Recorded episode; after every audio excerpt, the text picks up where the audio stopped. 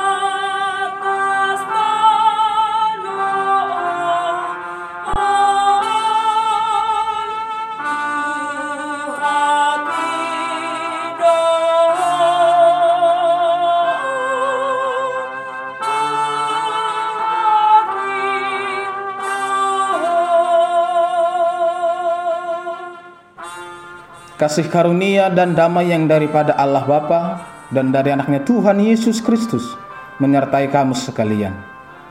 Amin. Horas Salimanta, sangaho lima menit manangiho Tuhani yang terambil dari Mazmur 31 ayat 2. Padamu Tuhan aku berlindung. Janganlah sekali-sekali aku mendapatkan malu. Luputkanlah aku oleh karena keadilanmu. Setiap kita pasti menginginkan rasa aman dan damai. Namun apakah itu bisa terjadi di keadaan saat ini? Dapatkah kita merasa aman dan damai meskipun dalam keadaan yang sulit? Mazmur ini berisi doa memohon perlindungan Tuhan. Dalam permohonannya, Daud mempercayakan hidupnya kepada Tuhan. Daud sadar bahwa tempat ia untuk mengadu dan mencari pertolongan serta perlindungan itu hanya ada pada Tuhan. Sehingga setiap seruannya untuk meminta pertolongan hanya ia tujukan kepada Tuhan. Daud menyatakan bahwa ia mengenal tangan Tuhan yang luar biasa dan penuh perhatian. Oleh sebab itu ia dapat berkata dengan yakin, "Padamu Tuhan aku berlindung." Daud yakin Tuhan dapat dipercaya Walaupun kehidupannya sendiri penuh dengan tantangan dan tekanan hidup. Karena dia menjadi target musuh-musuhnya. Hidup Daud tidak tenang. Di tengah berbagai gangguan yang dialaminya, Daud tetap bisa bernapas lega dan bersuka cita karena Allahnya yang penuh kasih, setia, menjadi sumber keyakinannya. Daud tidak pernah membiarkan dirinya tenggelam dalam pergumulan hidup yang dialaminya ia tahu persis kepada siapa harus berharap minta tolong. Ia meminta kepada Tuhan yang ia kenal secara pribadi. Ia mengenal siapa Allah. Karena itu ia tidak ragu sedikit pun untuk mengandalkan dia dalam segala keadaan. Bahkan ia mempercayakan kepada Allah miliknya yang paling berharga, yaitu nyawanya. Bagaimana dengan kita saat ini? Siapakah yang kita andalkan di dalam kehidupan kita? Pada masa-masa sulit dan genting, kepada siapakah kita berlindung? Nats ini mengingatkan kita, hanya Tuhanlah yang harus kita andalkan. Tuhan tidak akan membiarkan kita dipermalukan oleh dunia ini dan oleh musuh-musuh kita. Sebaliknya, Tuhan akan meluputkan kita dengan keadilannya. Mungkin saat ini kita sedang menghadapi berbagai masalah yang bertubi-tubi dan kita sulit melihat apa yang akan terjadi di depan kita.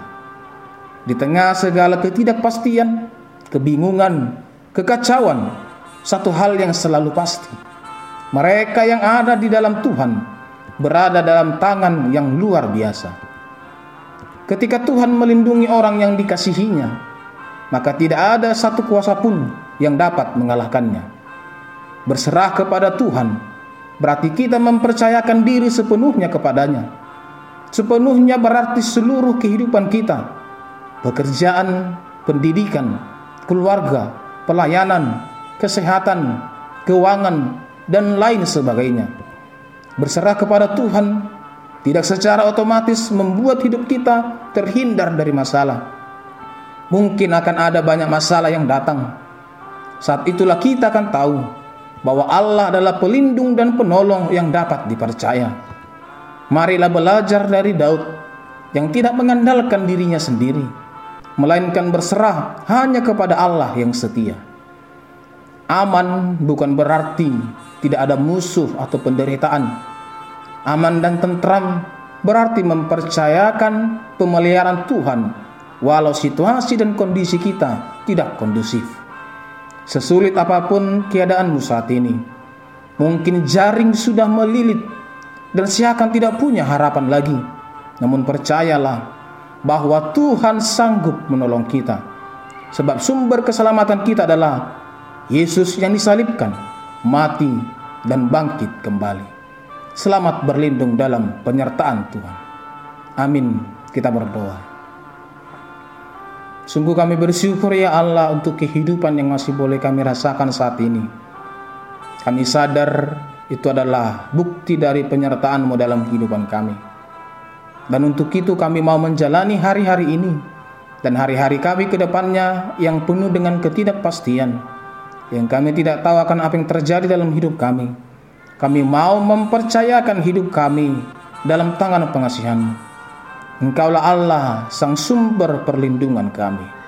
Anugerah Tuhan kita Yesus Kristus, kasih setia Allah Bapa, dan persekutuan Roh Kudus kiranya menyertai kamu sekalian.